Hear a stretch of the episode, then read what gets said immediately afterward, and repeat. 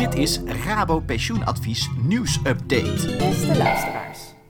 Voorjaarsvakantie of niet? Er was een hoop spannend nieuws vorige week.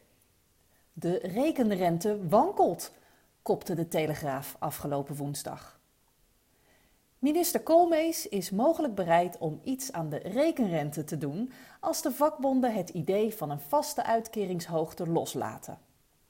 Dat betekent dat een van de twee toekomstige pensioencontracten mogelijk sneuvelt, het ambitiecontract, en er alleen nog de Shell-variant overblijft, een beschikbare premieregeling in de opbouwfase en een uitkeringsovereenkomst in de uitkeringsfase.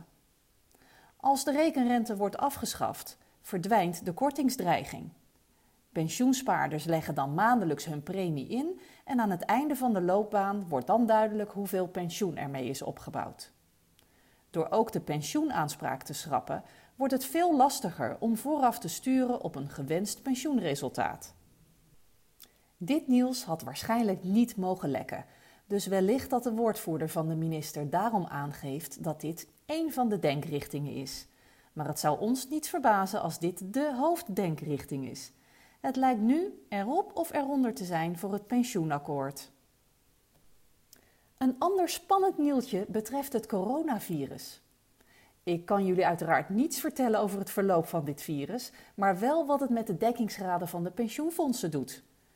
De dekkingsgraden van de Nederlandse pensioenfondsen zijn vorige maand gekelderd als gevolg van de uitbraak van het virus. De gemiddelde dekkingsgraad ging 6 procentpunt omlaag naar 95% door verliezen op de beurzen en een dalende rente, blijkt uit de cijfers van onderzoeksbureau E.ON. Met een dekkingsgraad van onder de 100% zouden miljoenen Nederlanders aan het eind van het jaar te maken kunnen krijgen met kortingen op de pensioenen. Blijf in ieder geval luisteren naar onze podcast. Zo blijf je op de hoogte.